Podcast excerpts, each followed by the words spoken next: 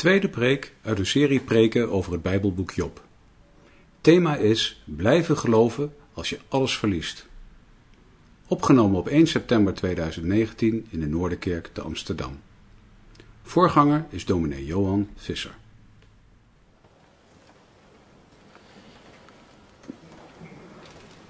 We lezen vanavond verder uit het boek van Job, waar we dit najaar in de avonddiensten, als Paul en ik voorgaan, bij stil willen staan.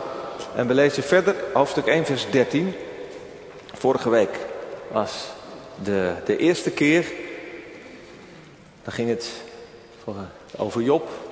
Die wordt getekend als een vrome, uh, godvrezende man die wijkt van alle kwaad. En dan die confrontatie tussen God, die zegt kijk eens, en de Satan die altijd weer ertussen wil komen. En de Satan die dan de ruimte krijgt van God om Job te beproeven. En daar lezen we verder, dat is vers 13. En we lezen in één keer door tot hoofdstuk 2, vers 10.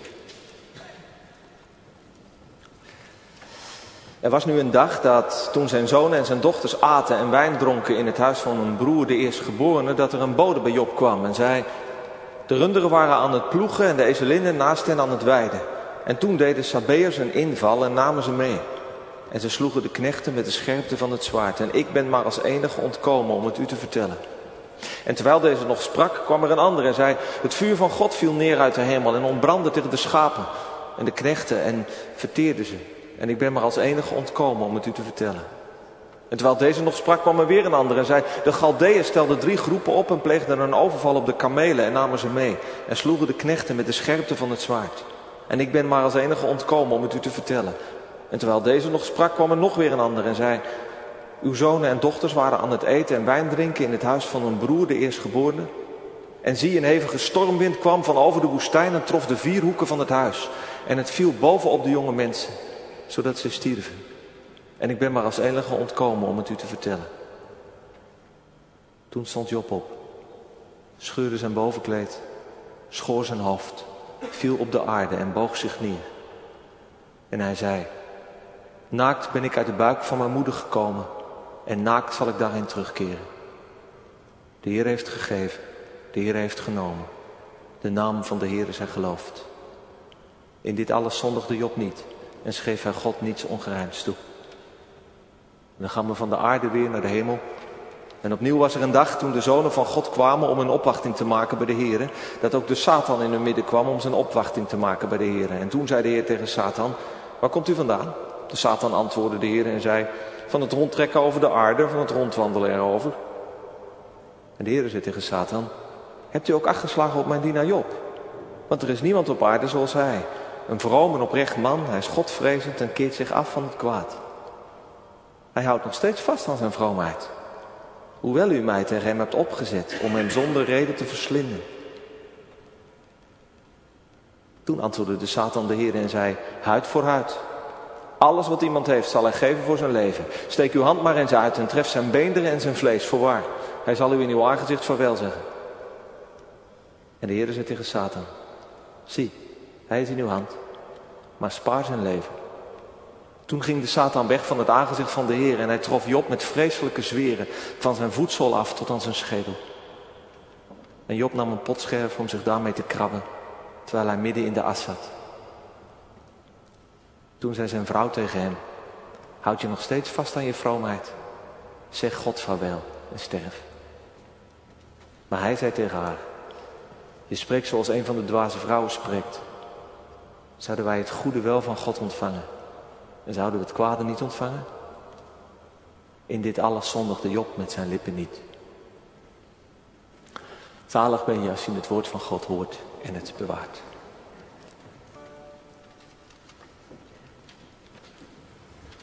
Gemeente van Jezus Christus. In het ziekenhuis lag zijn dochter.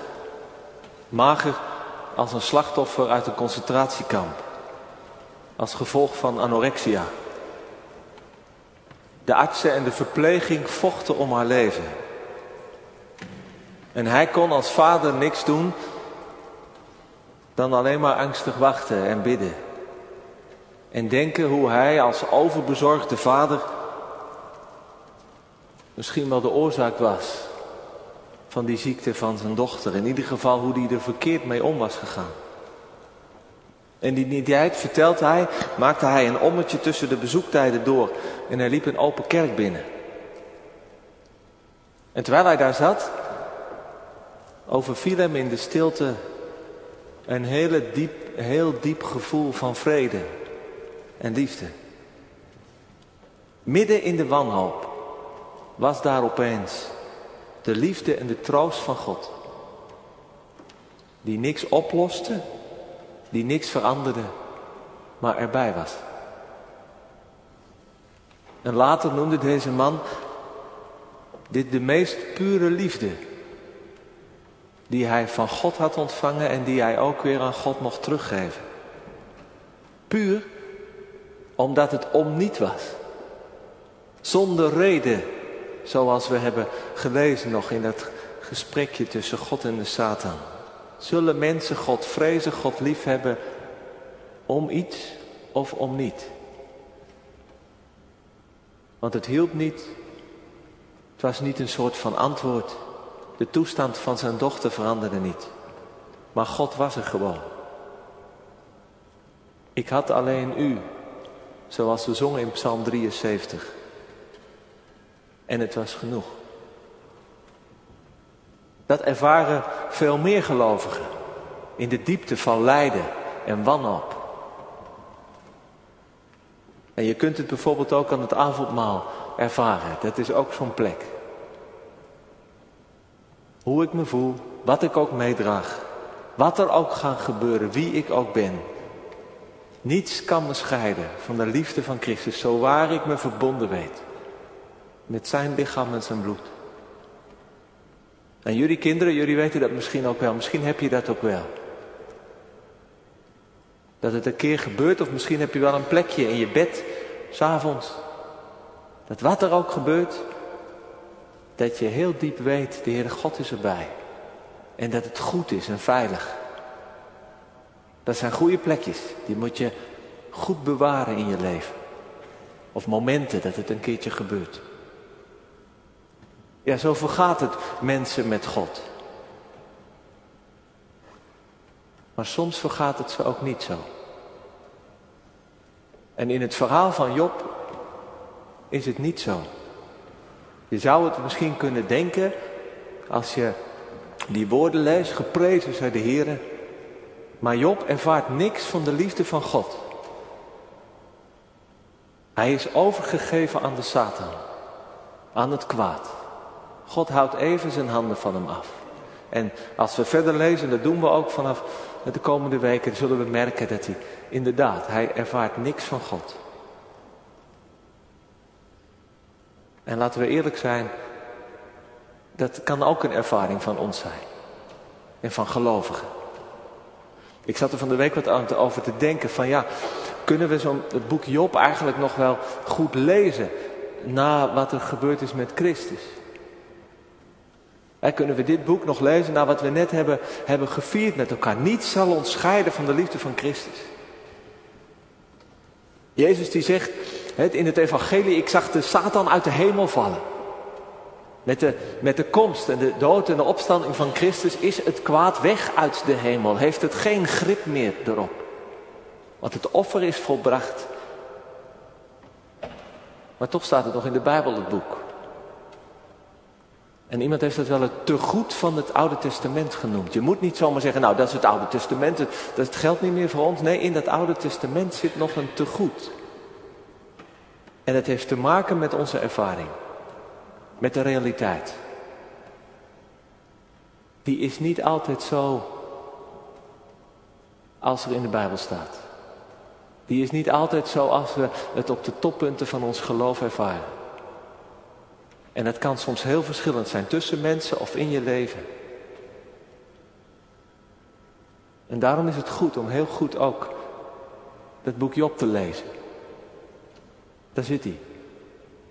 Naakt, zegt hij. In twee etappes is zijn leven helemaal gestript. Tot op zijn naakte huid.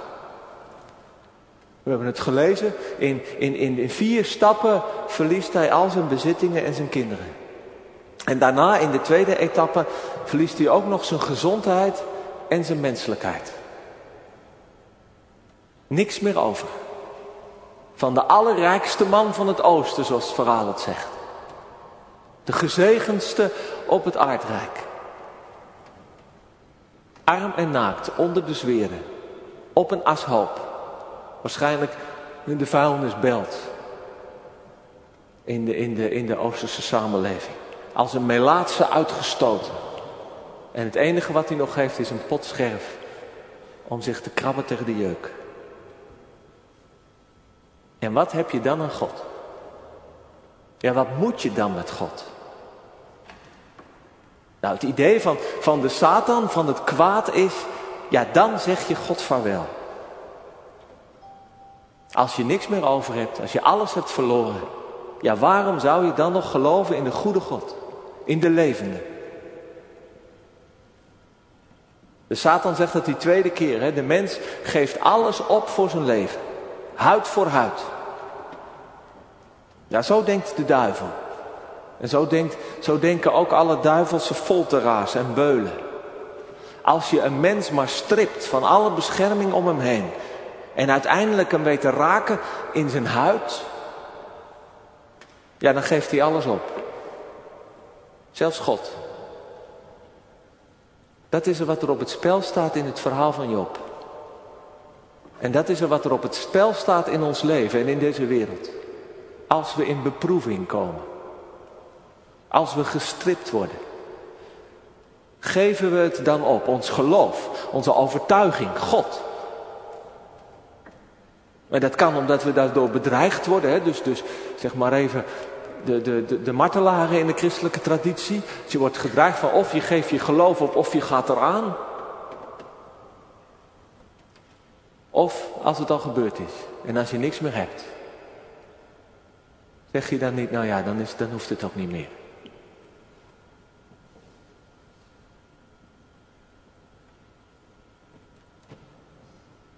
De Satan denkt, zo werkt het, want die heeft uiteindelijk niet zo'n heel groot geloof in de schepping van God. Die denkt, die mens die God gemaakt heeft, uiteindelijk zal die God vaarwel zeggen als hij alles verliest. Tot ziens. Als het zo moet, dan hoeft het voor mij niet meer. In het Hebreeuws wordt het woord zegenen gebruikt. Bij dat vaarwel zeggen. Dat heeft ermee te maken dat de Satan die stelt voor, ja, dan zal de mensen, zal de Job, die zal, die zal u vervloeken. Maar ja, als bijbelschrijver kun je dat natuurlijk, zoiets ergens kun je niet opschrijven. Dat, dat, durf je niet. En dan schrijf je maar het tegendeel op, dan zullen de mensen het wel begrijpen. Dus een paar keer staat dat, dan, dan, zal, dan zal Job u vaarwel zeggen. Dan staat er, dan zal, zal Job u zegenen. Nee, dan zit hij op de vuilnisbelt. En de hemel en wij, we kijken ademloos toe. Wat zal hij doen? Bezwijkt deze oprechte, godvrezende man, die wijkt van alle kwaad. Is zijn geloof, is zijn, zijn connectie met God, is die tegen die klappen bestand? Nou, na de eerste ronde klappen horen we dat Job opstaat. Zijn mantel scheurt, zijn haar afscheert en op de aarde zakt. Wij zouden zeggen, Job gaat in rouw. Uiterlijke vormen die helpen om je verdriet een beetje nog binnen de perken te houden. Dat je niet helemaal door je verdriet wordt meegestuurd, er gek van wordt. Je hebt bepaalde vormen nodig. En dan spreekt hij. En ook dat is een beetje vorm, want het is een gedicht. Dus dat zijn gewogen woorden. Misschien voor een deel kende die ze allen, misschien heeft hij er eerst eens goed over nagedacht. Naakt ben ik uit de moederschoot voortgekomen, naakt zal ik daarin terugkeren. De Heer heeft gegeven, de Heer heeft genomen, de naam van de Heer zij geprezen. Nee, de naam van de Heer zij gezegend, staat er. De Satan zei, hij zal u zegenen. Als hem dit overkomt, zal hij u zegenen. En daar bedoelde hij mee vervloeken. Maar Job zegent echt. De naam van God, die geeft en die neemt. Zij gezegend. Waar haalt hij dit vandaan? En let op, dat is dus, dat is dus niet omdat hij in, op dit moment iets van de troost of de liefde van God ervaart. Nee, Job is alleen. En hij is overgeleverd aan het lijden en aan een gesloten hemel. Ik denk dat het zijn overtuiging is. Gewoon wat hij vindt en wat hij heeft geleerd over God. En dat is wel leerzaam voor ons, denk ik. Geloven is niet alleen wat je voelt, wat je ervaart, wat, wat diep in je hart zit. Het is ook overtuiging, een idee, een stuk inzicht. Hoe de wereld in elkaar zit, hoe het zit met God en met mij. Zo is het leven, heeft Job geleerd de mens is als het erop aankomt een heel naakt wezen. Heel arm. Zo is het toch? Je komt poedelnaakt uit de schoot van je moeder. En je gaat naakt terug in de schoot van de aarde. En natuurlijk, je kunt in een gouden kist gaan. En met een, met een Armani pak om. Of een Chanel, Chanel jurk. Maar het voorkomt niet dat je lichaam vergaat en stof wordt. Zo is ons bestaan. Wij hebben ons bestaan niet zelf gewild. Het is een geschonken bestaan. En wij zijn ook niet op, op deze wereld gekomen met een mensenlijstje of met de universele verklaring van de rechten van de mens in onze babyknuisjes. We komen arm, zonder rechten, als vragende schepselen op aarde. En het is God die ons het leven geeft. En die het ook weer neemt. Dat is een hele diepe en oermenselijke en ook bijbelse vorm van, ja, hoe zeg je dat, levensovertuiging. Scheppingsvroomheid. Ik geloof dat ik een schepsel ben. Ik heb me niet zelf geschapen, ik heb me niet zelf uitgedacht, maar ik ben geschapen, gemaakt. En met dat ik naakt en kwetsbaar het leven heb ontvangen, is het leven een geschenk, is het genade. Maar het is genade die ook weer genomen kan worden. En ik denk die manier, die overtuiging, als je die hebt, dan kun je denk ik ook makkelijker omgaan met tegenslagen, met verlies. Ik moet denken aan wat Marleen Antonissen die met haar man Ilja in Jeruzalem heeft geleefd. Ze is net terug. Ze had een opdracht van de kerk om daar te, onder christenen en joden en moslims te leven en hij op een bijbelschool te werken. En zij schreef dat na het opeens het hele plotselinge, wrede overlijden van Ilja, haar man, ze ontzettend was geholpen door de vrouwen om haar heen. Joodse vrouwen, moslimvrouwen, christenvrouwen. Want vanuit Nederland kreeg ze wel al die vragen van ja, dit is wel heel vreselijk en altijd waarom en, en, en, en, en, en kom, je, kom je er nu wel uit, want je bent door God gezonden en, en met z'n tweeën en op die plek en dan opeens sterf je man. Maar die vrouwen hadden dat helemaal niet. Het was veel meer de dood hoort er gewoon bij. Natuurlijk, het is een vreselijk pijnlijk verdriet, maar dat overkomt ons nu eenmaal. En dat zijn de ondoorgrondelijke wegen van de eeuwige. Ja, en dan moet je, moet je verder in het leven. Dat verdriet moet je dragen, moet je elkaar in steunen en troosten en dan mag je verder. In het Westen, en misschien zal dat ook weer verschillend zijn voor ons, maar in het Westen is dat veel lastiger. Ik, ik bedacht me in 2004 toen die tsunami in de Indische Oceaan, onder andere in Thailand, heel veel slachtoffers en, en, en chaos had veroorzaakt. Weet ik nog dat aan de tafel van een of ander praatprogramma op televisie na een tijdje God er weer flink, flink van langs kreeg. als er dan zulke vreselijke dingen gebeuren op aarde, ja, dan kun je toch niet in God geloven, die moet het toch tegenhouden. Nou ja, u kent het denk ik wel, zo gaat het vaker hè? in een warme televisiestudio of in een huiskamer. dat een paar welvarende mensen bij een goed glas gaan filosoferen over de ellende in de wereld. En waarom God daar dan wel eens niks aan doet en zo. Terwijl je berichten kreeg uit Thailand dat de mensen die het echt trof, dat die die vragen over God en over waarom nauwelijks hadden. Ja, dat kon je overkomen, een ramp. En hoe vreselijk ook. Je moest het verliezen en de ellende op je nemen. Elkaar troosten en vasthouden. En weer verder.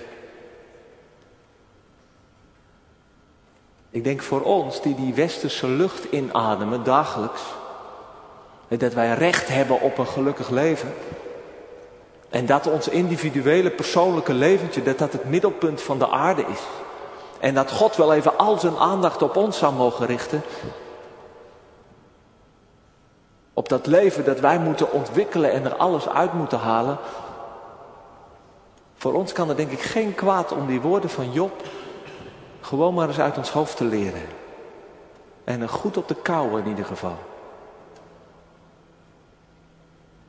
Het zou denk ik heel wat verwende ego's en klagende mensen een stuk volwassener en nederiger maken. En het zou ons ook helpen om teleurstellingen en tegenslagen in het leven, het ouder worden en de dood, om die beter onder ogen te zien en te dragen. Het is natuurlijk best hard. Naakt ben ik uit de moederschoot en naakt zal ik weer gaan. En de Heer die geeft en die neemt. Maar het is ook bevrijdend. Zeker hier in Amsterdam. Uiteindelijk draait het niet om jou of om mij. We zijn maar stofjes. En ons leven is kwetsbaar. En ons leven is in de hand van God die ons kan maken en breken. En juist als je zoveel lijden ervaart, ervaar je dat ook. Ik moest denken aan een boek van een Duitse, uh, toen nog jonge vrouw. Het is in het Nederlands vertaald als Mintai Teer. Het is een beetje een ongebruikelijke titel, maar in het Duits heet het God brauchst du nicht. God heeft jou niet nodig. En daar schrijft ze hoe ze in een gevecht met God de ziektes in haar familie tot die conclusie kwam. God heeft mij helemaal niet nodig. En dat leert ons dus ook het verhaal van Job, dat wij als gelovigen niet per se een voorkeursbehandeling krijgen. Ook Job niet. De meest oprechte en godvregendende van allemaal. We worden niet gespaard vanwege ons geloof. En het is ook niet zo dat we altijd nog zomaar iets merken van God. Dat gebeurt wel, godzijdank ook. Maar niet automatisch. En het kan zijn dat jij in de loop van jouw leven, vaak als je wat ouder wordt, het gevoel krijgt dat je band met God wat minder wordt. Dus stel je, je zeventiende uh, is het geloof gaan leven of je bent tot bekering gekomen. En dat zijn dan van die tijden waarin het goed is en dat er vreugde in zit en je hebt er zin in. En je leeft heel dicht bij God. Maar je wordt ouder of er breken zware tijden aan. En dan merk je het wordt minder. Een beetje door, een beetje droog. Kost moeite om te bidden, om met de Bijbel bezig te zijn. En in je worstelingen merk je eigenlijk heel weinig steun. Je bent een beetje aan jezelf overgelaten. En daar schrik je dan van, dat begrijp ik ook. En het voelt ook niet goed en het is ook niet goed. Maar weet wel dat het erbij hoort. Van die Jobs ervaringen. Dat het een periode stil is.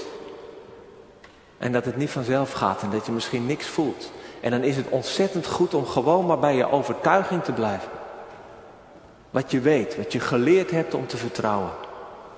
Gewoon op de woorden te blijven geloven.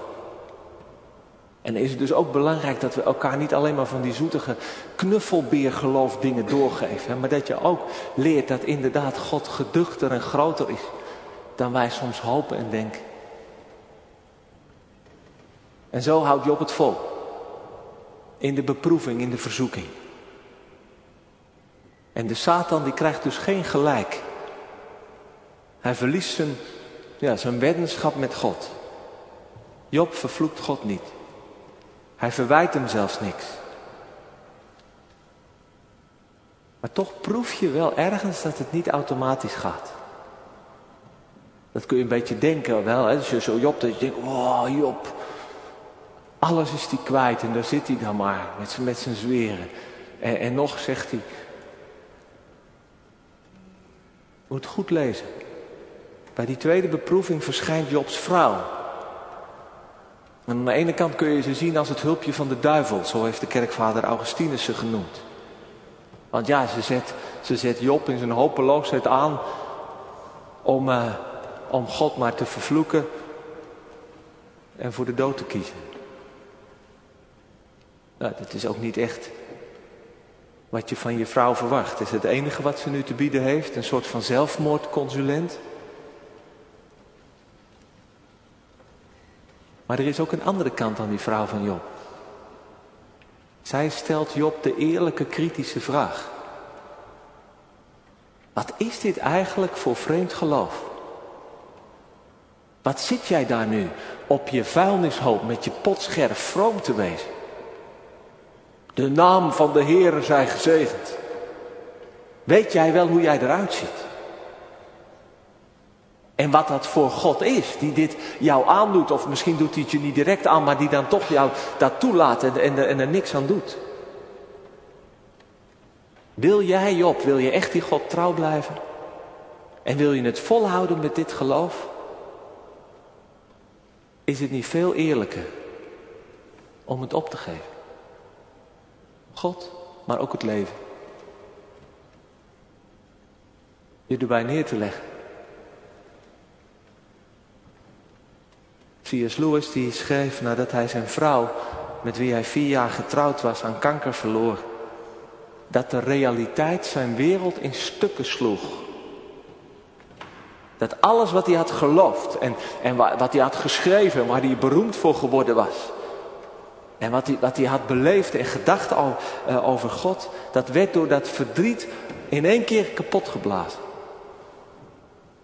En hij schreef toen in zijn dagboek, dat is later uitgegeven, hij schreef dat hij, dat hij niet bang was om zijn geloof te verliezen, maar dat hij bang was dat hij de vreselijkste dingen over God zou denken. Dit is hoe God echt is. En bedrieg jezelf niet langer. Ja, dat hoor je ook in die woorden van de vrouw van Job. Bedrieg jezelf en bedrieg mij en bedrieg ons niet met, met je mooie vrome woorden die je hebt geleerd. Kijk eens even echt hoe het is, de realiteit. Want een God die dit doet, die dit toelaat, is die die woorden wel waard. Zie het onder ogen en maak er een einde aan. Nou, dat laatste, dat is dwaasheid. Dat zegt op natuurlijk ook. Maar dat je die vraag moet stellen, is denk ik wel wijsheid. Je moet die vragen, als die er zijn, moet je uitspreken. Het heeft geen zin om met een vroom sausje eroverheen te stappen, want ze blijven in je zitten. En soms zitten ze je hele leven lang. En je raakt ze niet zomaar kwijt. Dan kun je er beter eerlijk over zijn. Want als je eerlijk bent, kun je ze uitspreken. Nou, Job die geeft niet toe aan zijn, aan zijn vrouw. Ze zegt, hey, je, je bent dwaas, je hebt geen inzicht. Je hebt het niet door. Dat je maar een schepsel bent en dat God alles kan geven, maar dat hij ook weer alles kan nemen. Maar we merken wel verandering. Want die tweede keer is er geen gedicht. Ook geen lofprijzing meer. Alleen nog maar een vraag. Zouden we het goede wel van God ontvangen, het kwade niet? Ik hoor het een beetje als een verzuchting. Zouden we het goede dan wel van God ontvangen, maar het kwade niet? En de schrijver die merkt dan op, in dit alles zondigde Job met zijn lippen niet. En de eerste keer zegt hij, in dit alles zondigde Job niet. Punt. Het is een heel klein verschil en misschien zegt het niet zoveel, Maar het kan ons ook zijn dat de schrijver ons voorbereidt op wat er gaat komen. Ja, met zijn lippen zondigde Job niet. Er kwam geen slecht woord over God uit. Maar achter zijn lippen, van binnen zit er heel veel. Wat hij nu nog inslikt aan emotie en vragen en woede. En de komen, de komen er, dat komt eruit, hoofdstuk 3. En dat is misschien wel wat die vraag van zijn, van zijn vrouw bij hem oproept. Het laatste woord is nog niet gezegd. Je bent met, Job is met God nog niet klaar. En andersom, God ook nog niet met Job gelukkig. En zo blijft Job geloven. Aan de ene kant in de overgave, in de overtuiging. Ik ben maar een schepsel. En aan de andere kant ook het gevecht, wat dan nog gaat komen. En zo houdt hij vast aan God. Alvechtend en tegelijk zich overgevend. Naakt op de ashoop. Voor mij is dit een godsbewijs. Als je vraagt van waarom geloof je, nou dan is het voor een deel ook vanwege mensen zoals Job. En die zijn er best veel. Mensen die met alle tegenslagen van het leven. En soms is het vreselijk hard. Het volhouden met God. Soms omdat ze diep getroost worden. En soms ook gewoon omdat ze net als Job het moeten volhouden in hun overtuiging. Dat is niet iets van de mens. De Satan zegt dat kan helemaal niet. Dan, dan hebben ze al lang gezegd, toedeledokie God, weg, ik ben weg. Dat is een bewijs dat hier meer aan de hand is dan alleen de kracht van mensen. Hier is Gods eigen werk aan de hand. Ze houden om niet vast aan God. Laten wij dat ook doen. En wij zeggen, je zegt misschien, ik zeg ook. Nou, zo sterk ben ik niet. Mijn geloof. Nou, dan mogen we op Jezus zien. Die het ook volgehouden heeft. Tot in het duister van het kruis. Waarom? Mijn God, mijn God, waarom heeft u mij verlaten? Maar hij hield het vol. Met God. En hij hield het vol voor ons. En zo is hij voorop gegaan. Met alle die het ook volhouden. Laten we hem volgen. Amen.